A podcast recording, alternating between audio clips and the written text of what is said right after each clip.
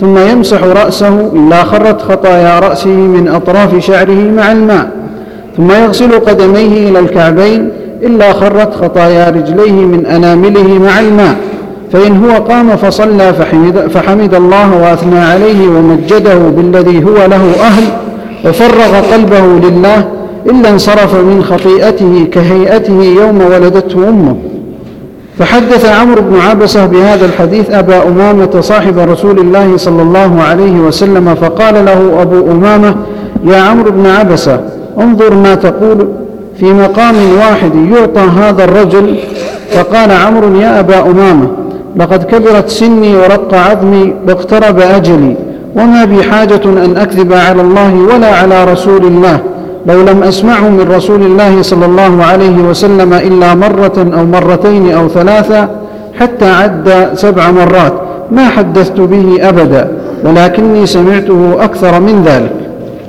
وهذا فيه دلالة على أن من حين ترتفع الشمس محل صلاة والضحى كلها محل صلاة تعبد إلى أن تقف الشمس. وهكذا بعد زوال الشمس صلاة إلى الفراغ من صلاة العصر كله محل صلاة وتعبد. وهكذا الليل كله محل صلاة وتعبد حتى يطلع الفجر ويصلي الناس صلاة الفجر. وهذا من فضل الله ورحمته وإحسانه أن يسر للعباد أوقات العبادة.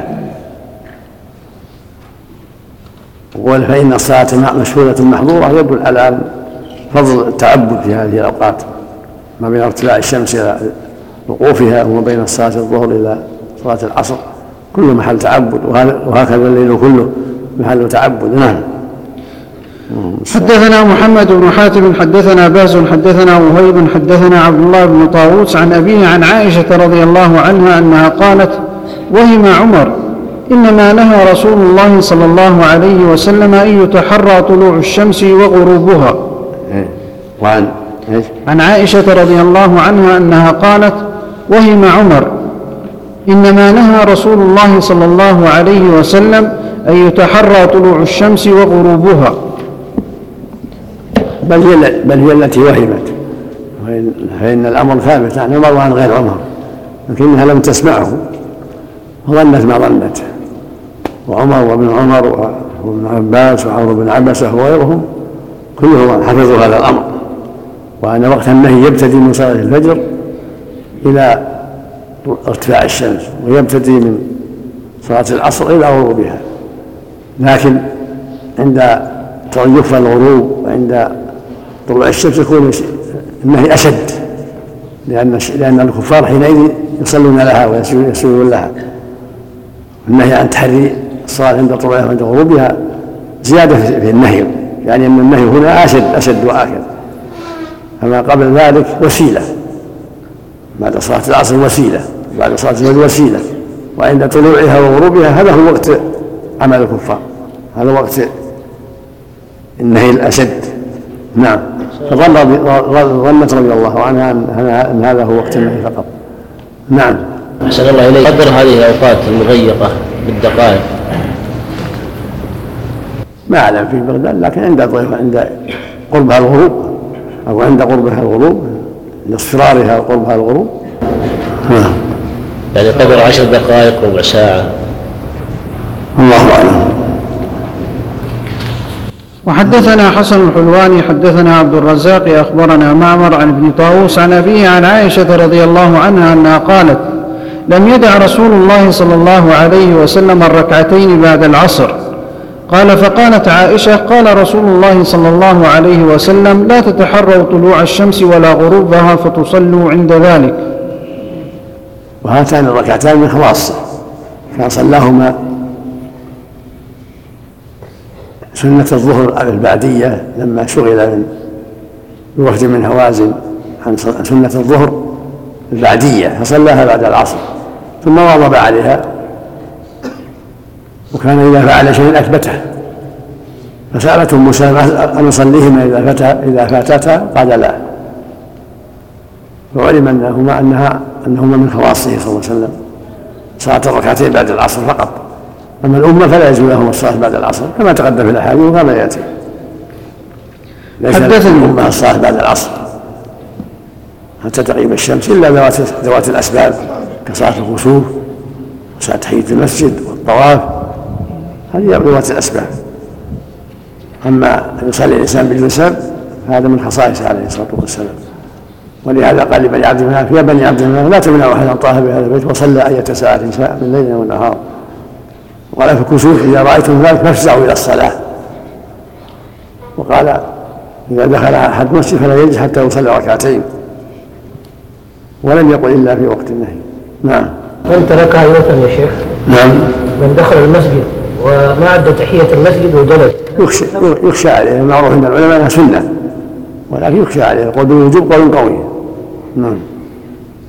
حدثني حرملة بن يحيى التجيبي حدثنا عبد الله بن وهب أخبرني عمرو وهو بن الحارث عن بكير عن كريب مولى بن عباس أن عبد الله بن عباس وعبد الرحمن بن أزهر والمسور بن مخرمة أرسلوه إلى عائشة زوج النبي صلى الله عليه وسلم فقالوا اقرأ عليها السلام منا جميعا وسلها عن الركعتين بعد العصر. وقل, وقل إنا أخبرنا أنك تصلينهما. وقد بلغنا أن رسول الله صلى الله عليه وسلم نهى عنهما. قال ابن عباس وكنت أصرف مع عمر بن الخطاب مع عمر بن الخطاب الناس عنها.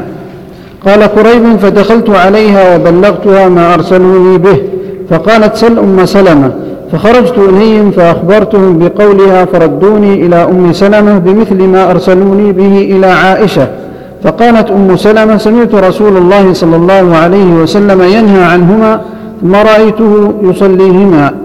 أما حين صلاهما إنه صلى العصر ثم دخل وعندي نسوة من بني حرام من الأنصار. فصلاهما فأرسلت إليه الجارية فقلت قومي بجنبه فقولي له.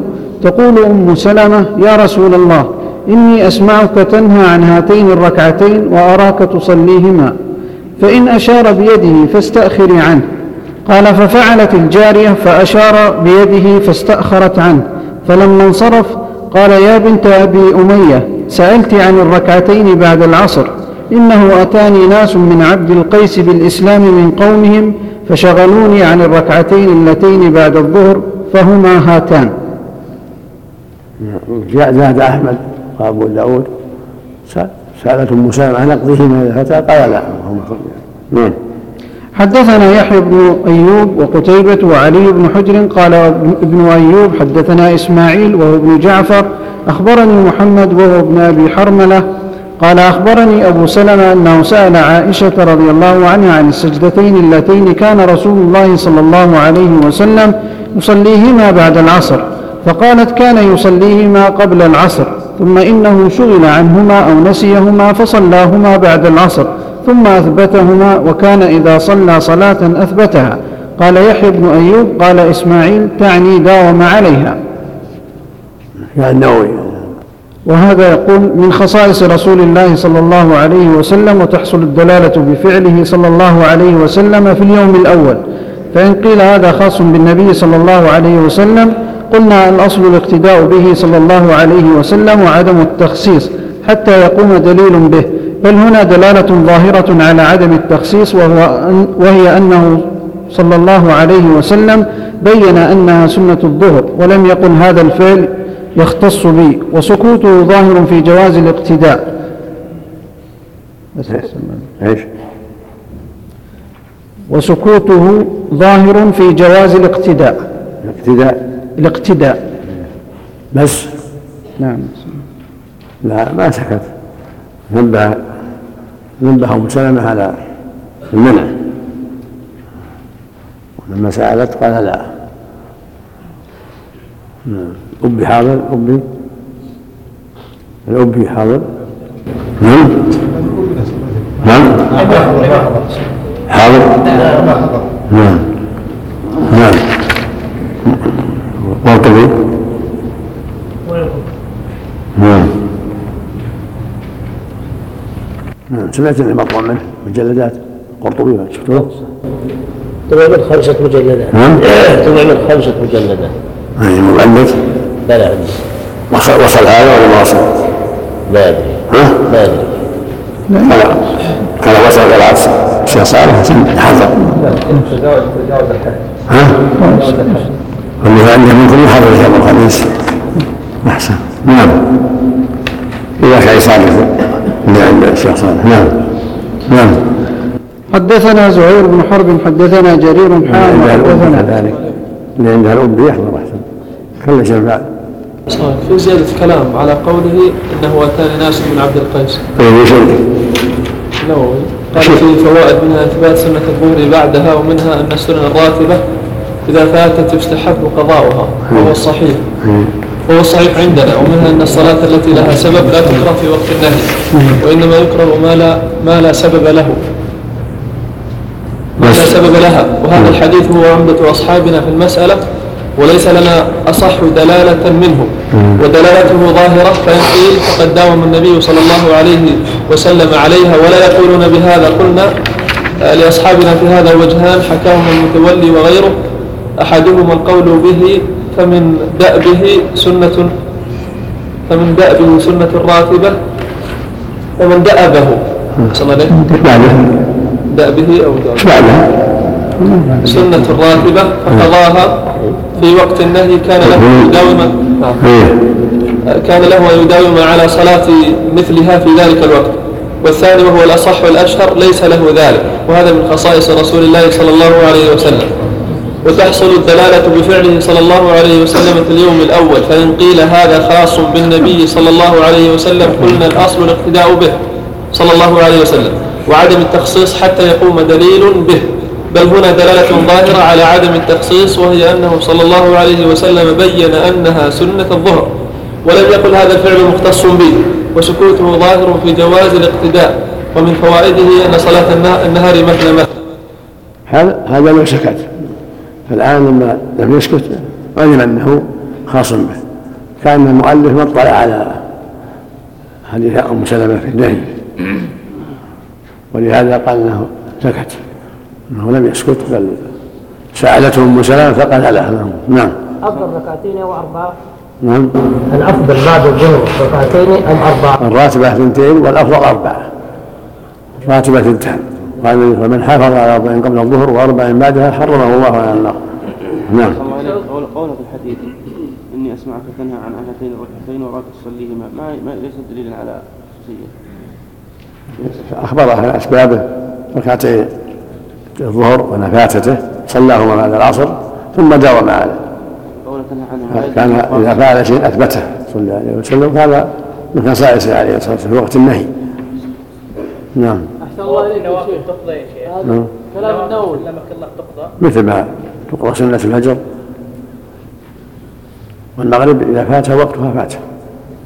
إنما قضى النبي سنة الظهر والظهر ولم يقضي غيرها صلى عليه وسلم. سوى سنة الفجر. وأما سنة المغرب لو غاب الشفق سنة فات محلها. أو العشاء فاتت. حتى طلع الفجر سنة سنة فات محلها. نعم. حدثنا زهير بن حرب حدثنا جرير حام وحدثنا ابن ليس بقياس. نعم. بالنسبة للذكر ممكن إنسان الإمامة التوقيفية نعم. بالنسبة للذكر ممكن إنسان يصليها مع الآذان الصبح. مع لا الآذان. إذا إذا طلع الصبح يأخ- يأخرها للضحى يصليها الضحى بعد ارتفاع الشمس. نعم. نعم. حدثنا زهير بن حرب حدثنا جرير حام وحدثنا ابن نمير حدثنا أبي جميعا عن هشام بن عروة عن أبيه عن عائشة رضي الله عنها قالت ما ترك رسول الله صلى الله عليه وسلم ركعتين بعد العصر عندي قط. نعم. وحدثنا أبو بكر بن أبي شيبة حدثنا علي بن مسهر حاون وحدثنا علي بن حجر واللفظ له أخبرنا علي بن مسهر أخبرنا أبو إسحاق الشيباني عن عبد الرحمن بن الأسود عن أبيه عن عائشة رضي الله عنها قالت صلاتان ما تركهما رسول الله صلى الله عليه وسلم في بيته قط سرا ولا علانية. ركعتين قبل الفجر وركعتين بعد العصر. وحدثنا ابن نمير وحدثنا ابن المثنى وابن بشار قال ابن المثنى حدثنا محمد بن جعفر حدثنا شعبة عن أبي إسحاق عن الأسود ومسروق قال نشهد على عائشة أنها قالت ما كان يومه الذي كان يكون عندي إلا صلاهما رسول الله صلى الله عليه وسلم في بيتي تعني الركعتين بعد العصر. وحدثنا أبو بكر بن أبي شيبة وأبو كريب جميعا عن ابن فضيل. قال أبو بكر حدثنا محمد بن فضيل عن مختار بن فلفل. قال سمعت أنس بن مالك رضي الله عنه عن التطوع بعد العصر فقال كان عمر يضرب الأيدي على صلاة بعد العصر وكنا نصلي على عهد النبي صلى الله عليه وسلم ركعتين بعد غروب الشمس قبل صلاة المغرب. فقلت له وكان رسول الله صلى الله عليه وسلم صلاهما؟ قال كان يرانا نصليهما فلم يأمرنا ولم ينهنا. وحدثنا شيبان بن فروخ حدثنا عبد الوارث عن عبد العزيز وهو ابن صهيب عن أنس بن مالك رضي الله عنه قال كنا بالمدينة فإذا أذن المؤذن لصلاة المغرب ابتدروا السواري فيركعون ركعتين ركعتين حتى إن الرجل الغريب لا يدخل المسجد فيحسب, فيحسب أن الصلاة قد صليت من كثرة من يصليهما. الله عليك. الحديث وهذا يدل على شرعيه الصلاة بعد صلاة المغرب بعد أذان المغرب. وهذا من الحديث الصحيح الذي رواه البخاري. صلوا قبل المغرب صلوا قبل المغرب ثم قال في الثالث لمن شاء. السنة للجالسين بعد بعد بعد الأذان أن يقوموا صلوا سنة المغرب. ركعتين قبل الصلاة. وهي مستحبة. وهكذا قول صلى الله عليه وسلم بين كل أذان صلاه بين كل أذان صلاة ثم قال لمن شاء. فالسنه أن يصلى ركعتان بعد أذان المغرب وبعد أذان العشاء. أما الراتبة فبعدهما راتبة العشاء بعدها راتبة المغرب بعدها. لكن يسحب الجالسين في المسجد أو الوافدين إليه بعد الأذان أن يصلوا ركعتين. كانوا جالسين هذه سنة. وإن كانوا وافدين فهي تحية المسجد. نعم. شيخ قول انس سلمك الله أن كنا نصلي بعد العصر ولم ينهانا الرسول بل أقر ما يدل على عدم الخصوصية؟ لا بعد بعد المغرب. صلوا بعد آذان المغرب وبعد العصر بعد آذان المغرب ركعتين. كان عمر يرغب الناس عليها بعد العصر. نعم. عندنا أحسن الله ابتدأوا ابتدأوا السواري ابتدروا ابتدروا بالراء نعم. ابتداءهم بالسواري. من السترة ما يؤيد القول بوجوب السترة. لا ما هو هو لا سنة مؤكدة هو سنة. يصفون ثبت عن النبي صلى الله عليه وسلم أنه صلى إلى غير سترة. صلى الله عليه وسلم. أو صلى إلى غير سترة عليه الصلاة والسلام. نعم. الامر واسع نعم. نعم. وحدثنا أبو بكر وحدثنا أبو بكر بن أبي شيبة حدثنا أبو أسامة ووكيع عن كهمس. قال حدثنا عبد الله بن بريدة عن عبد الله بن مغفل المزني رضي الله عنه قال قال رسول الله صلى الله عليه وسلم كيف على حديث عبد الله المغفل سم. من تعمد بعدم اتخاذ السترة يؤثم؟ ما يعلم. لا يعلم. ترك السنة هل كانوا عفى الله عنك يبتدرون السواري ويتركون الصف الأول؟ ظاهر ظاهر الحديث انهم يصلون إلى السواري. ويجي السترة. هذا ظاهر الحديث. نعم.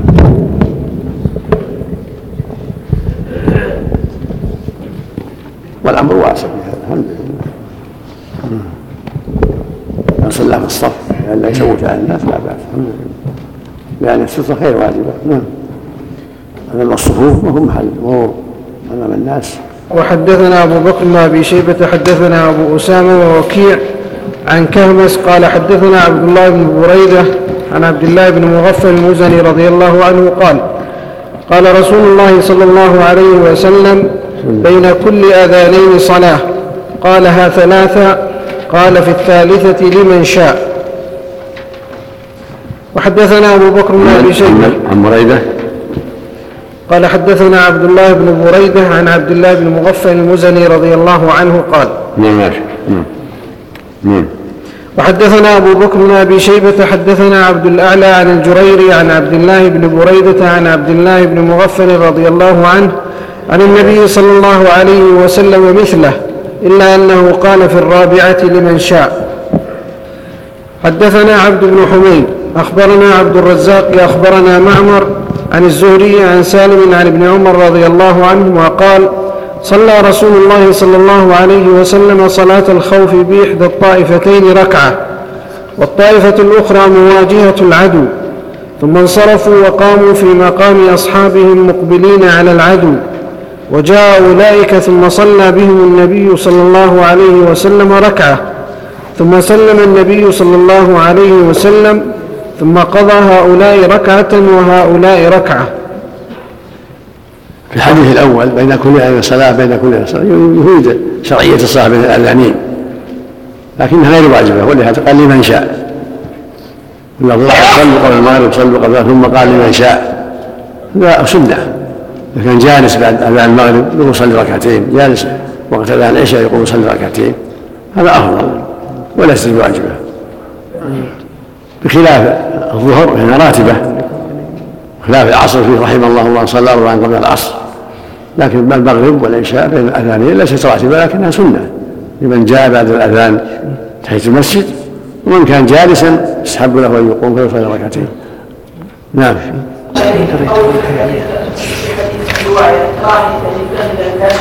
يعني هذا من كلام الراوي يعني, يعني يظنها واجبة يعني سنة واجبة. وحدثني أبو الربيع الزهراني حدثنا فليح عن الزهري عن سالم بن عبد الله بن عمر عن أبيه رضي الله عنه أنه كان يحدث عن صلاة رسول الله صلى الله عليه وسلم في الخوف ويقول صليتها مع رسول الله صلى الله عليه وسلم بهذا المعنى. وحدثنا أبو بكر بن أبي شيبة حدثنا يحيى بن آدم عن سفيان عن موسى بن عقبة عن نافع عن ابن عمر رضي الله عنهما قال صلى رسول الله صلى الله عليه وسلم صلاة الخوف في بعض أيامه. فقامت طائفة معه وطائفة بإزاء العدو فصلى بالذين معه ركعة ركعة ثم ذهبوا وجاء الآخرون فصلى بهم ركعة ثم قضت الطائفتان ركعة ركعة. قال وقال ابن عمر فإذا كان خوف أكثر من ذلك فصل راكبا أو قائما تومئ إيماء. نعم. حدثنا محمد بن عبد الله بن نمير حدثنا أبي حدثنا عبد الملك بن أبي سليمان عن عطاء عن جابر بن عبد الله رضي الله عنهما قال شهدت مع رسول الله صلى الله عليه وسلم صلاة الخوف فصففنا صفين صف خلف رسول الله صلى الله عليه وسلم والعدو بيننا وبين القبلة فكبر النبي صلى الله عليه وسلم وكبرنا جميعا ثم ركع وركعنا جميعا ثم رفع رأسه من الركوع ورفعنا جميعا ثم انحدر بالسجود والصف الذي يليه وقام الصف المؤخر في نحر العدو. فلما قضى النبي صلى الله عليه وسلم السجود وقام الصف الذي يليه انحدر الصف المؤخر بالسجود وقاموا ثم تقدم الصف المؤخر وتأخر الصف المقدم. ثم ركع النبي صلى الله عليه وسلم وركعنا جميعا. ثم رفع رأسه من الركوع ورفعنا جميعا ثم انحدر بالسجود. والصف الذي يليه الذي كان مؤخرا في الركعة الأولى وقام الصف المؤخر في نحور العدو. فلما قضى النبي صلى الله عليه وسلم السجود والصف الذي يليه انحدر الصف المؤخر بالسجود فسجدوا ثم سلم النبي صلى الله عليه وسلم وسلمنا جميعا. قال جابر كما يصنع حرسكم هؤلاء بأمرائهم. المقصود أن هذا أن هذا نوع من أنواع صلاة الخوف. إذا كان العدو في القبلة وخاف المسلمون من الهجوم وحضرت الصلاة يصلون هكذا. يقومون جميعا ويصفون جميعا ويركعون جميعا. وعند السجود يسجد الصف الأول ويبقى الصف الثاني يراقب العدو لئلا يهجم. فإذا قام الصف الأول من السجود سجد الصف الثاني وهكذا. نعم. صلى الله إليك إذا كانت الصلاة صلاة مغرب كيف؟ كلها في كل ركعة في كل ركعة هكذا. يصلي بهم ركعتين والآخرين ركعة أو هذا هذا نوع آخر لكن في هذا في كل ركعة يسيب الصف الأول ويقف الصف الثاني راقب لكن في مسألة إذا صلى بهم طائفتين يصلي بالطائفة الأولى الركعتين الأولين ثم يكمل لأنفسهم ويذهبون ثم تأتي الطائفة الأخرى تصلي معها الركعة الأخيرة ثم يكمل لأنفسهم. كله أمر واسع في هذا. نعم. نعم. في الحرم كانوا قبل العدو قبل القبلة هل يصلوا ركعتين في الصلاة؟ نعم. كانوا في الحرم والعدو في القبلة يصلوا في سحة الثياب يصلوا ركعتين ثم إذا إذا إذا احتاجوا إلى هذا فعلوا ولو في الحضر أو إذا احتاجوا إلى هذا فعلوا أو أو أخروها ولو بعد ذلك كما أخرها النبي صلى الله عليه وسلم والأحزاب. نعم. حدثنا أحمد بن عبد الله بن يونس حدثنا زهير حدثنا أبو الزبير عن جابر رضي الله عنه قال غزونا مع رسول الله صلى الله عليه وسلم قوم من جهينة فقاتلونا قتالا شديدا. فلما صلينا الظهر قال المشركون لو منا عليهم ميلة لاقتطعناهم. فأخبر جبريل رسول الله صلى الله عليه وسلم ذلك فذكر ذلك لنا رسول الله صلى الله عليه وسلم. قال وقالوا إنه ستأتيهم صلاة هي أحب إليهم من الأولاد. فلما حضرت العصر إنه ستأتيهم صلاة هي أحب إليهم من الأولاد. من؟ الأولاد. الأولاد؟ نعم. فلما حضرت العصر قال صفنا صفين والمشركون بيننا وبين القبلة. قال فكبر رسول الله صلى الله عليه وسلم وكبرنا وركع فركعنا ثم سجد وسجد معه الصف الأول. فلما قاموا سجد الصف الثاني ثم تأخر الصف الأول وتقدم الصف الثاني. فقاموا مقام الأول فكبر رسول الله صلى الله عليه وسلم وكبرنا وركع فركعنا ثم سجد وسجد معه الصف الأول. وقام الثاني فلما سجد الصف الثاني ثم جلسوا جميعا سلم عليهم رسول الله صلى الله عليه وسلم. قال أبو الزبير ثم خص جابر أن قال كما يصلي أمراؤكم هؤلاء.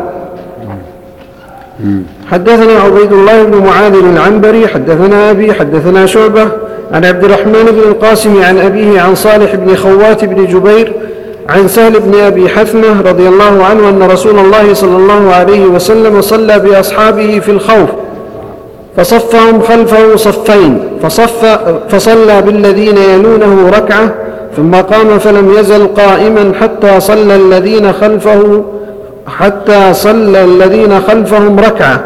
ثم تقدموا وتأخر الذين كانوا قدامهم فصلى بهم ركعة ثم قعد حتى صلى الذين تخلفوا ركعة ثم سلم. حدثنا يحيى. هذا نوع آخر نوع ثالث.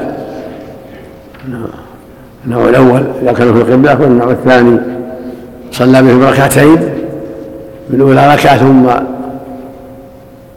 ذهبوا يحرسون ثم جاء الطائفة الأخرى صلى بهم ركعة ثم ذهبوا يحرسون ثم قضى كل واحد نفس ركعة وهذا النوع الثالث صلى بالطائفة ركعة ثم أتموا لأنفسهم وسلموا ثم ذهبوا ثم جاءت الطائفة الأخرى فصلى بهم الركعة التي بقيت ثم ثبت جالسا حتى أتموا لأنفسهم ثم سلم بهم. نعم. حدثنا يحيى بن يحيى قال قرأت على مالك عن يزيد بن رومان عن صالح بن خوات عمن صلى مع رسول الله صلى الله عليه وسلم يوم ذات الرقاع صلاة الخوف. أن طائفة صفت صلت معه وطائفة وجاه العدو فصلى بالذين معه ركعة ثم ثبت قائما وأتموا لأنفسهم ثم انصرفوا فصفوا وجاه العدو وجاءت الطائفة الأخرى فصلى بهم الركعة التي بقيت ثم ثبت جالسا وأتموا لأنفسهم ثم سلم بهم. حدثنا أبو بكر بن أبي شيبة حدثنا عفان حدثنا أبان بن يزيد حدثنا يحيى بن أبي كثير عن أبي سلمة عن جابر رضي الله عنه قال أقبلنا مع رسول الله صلى الله عليه وسلم حتى إذا كنا بذات الرقاع قال كنا إذا أتينا على شجرة ظليلة تركناها لرسول الله صلى الله عليه وسلم. قال فجاء رجل من المشركين وسيف رسول الله صلى الله عليه وسلم معلق بشجرة فأخذ سيف نبي الله صلى الله عليه وسلم فاخترطه فقال لرسول الله صلى الله عليه وسلم أتخافني؟ قال لا. قال فما فمن يمنعك مني؟ قال الله يمنعني منك. قال فتهدده أصحاب رسول الله صلى الله عليه وسلم فأغمد السيف وعلقه. قال فنودي بالصلاة. فصلى بطائفة ركعتين ثم تأخروا وصلى بالطائفة الأخرى ركعتين. قال فكانت لرسول الله صلى الله عليه وسلم أربع ركعات وللقوم ركعتان. اللهم صل هذا نوع رابع من انواع صلاة الخوف. صلى بهم أربع صلى لكل طائفة ركعتين. فله أربع ولهم ولكل طائفة ركعتان. جاء في الروايات الأخرى ان سلم بهم ثم صلى بالآخر ركعتين ثم سلم بهم. فكانت الأولى له فرضا والثاني له نفل ولهم فرض. طائفة مثل قصة معاذ لما صلى باصحابه ليس وقد صلى مع النبي صلى الله عليه وسلم. نعم.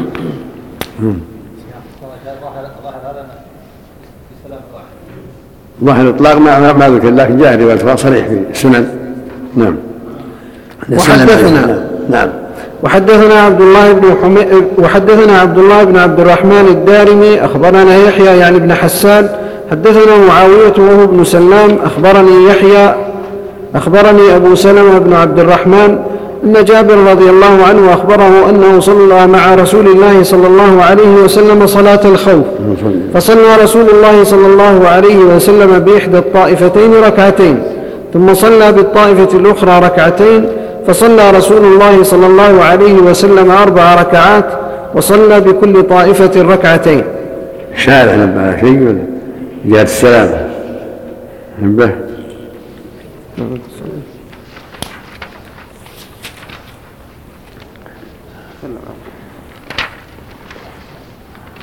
نعم.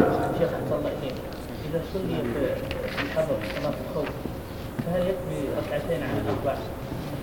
لا الحضارة تصلي كاملة ما في قصر قصر في السحر. الطائفتين اللي خلف صلي ب...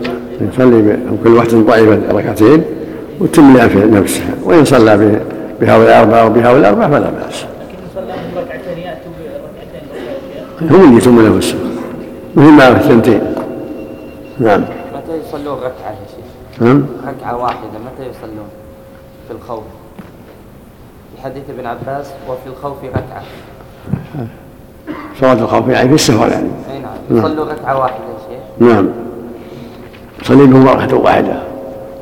وربما صلى بهم ركعتين وصلى بكل واحد ركعة. صار له ركعتان ولهم على ركعة ركعة. وإن صلى بهم جميعا ركعة واحدة أجزأتهم على الصحيح. في جميع الصلوات؟ نعم؟ في جميع في جميع الصلوات. عند عند شدة الخوف. نعم. يقال إن هذا جائز يعني على سبيل الجواز أو على حسب الحال في نعم. نعم. يعني صلاة ركعة أو يعني على كل حال هذه يرجع إلى ولي الأمر. أميرهم يتحرى يتحرى ما هو أنسب. لأن الخوف يختلف. أو الخوف يختلف. نعم. نعم. اي يقول قلت قيل معناه صلى بالطائفة الأولى ركعتين وسلم. وسلموا وبالثانية كذلك. وكان النبي صلى الله عليه وسلم متنفلا في الثانية وهم مفترضون. هذا هكذا جاء في خارج مسلم نعم أحسن الله إليك. ذكر هنا يقول في سنن أبي داود وغيره نعم. من رواية أبي بكر أنه صلى بكل طائفة ركعتين وسلم. فكانت الطائفة الثانية مفترضين خلف متنفل. نعم هذا الصواب. مثل قصة معاذ. لما صلى مع النبي في العشاء فرضه ثم صلى بأصحابه فرضهم وهو له نفل. وهي له نفل نعم؟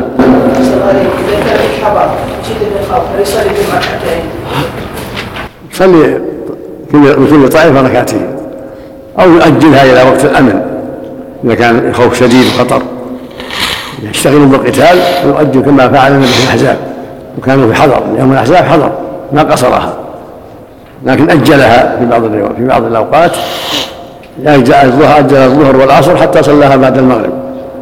لح- ل- للضرورة يوم الأحزاب ما ما كانوا مسافرين كانوا في البلد. نعم. ولم يقصرها. صلى نعم. كتاب الجمعة. بركة سم الله عليك لماذا يدرك الوقت؟ نعم؟ ركعة ركعة. والنبي صلى الله عليه وسلم أدرك ركعة من الصلاة فقد أدرك الصلاة. الوقت والصلاة كلها نعم. رواية أبي داود ثابتة الله.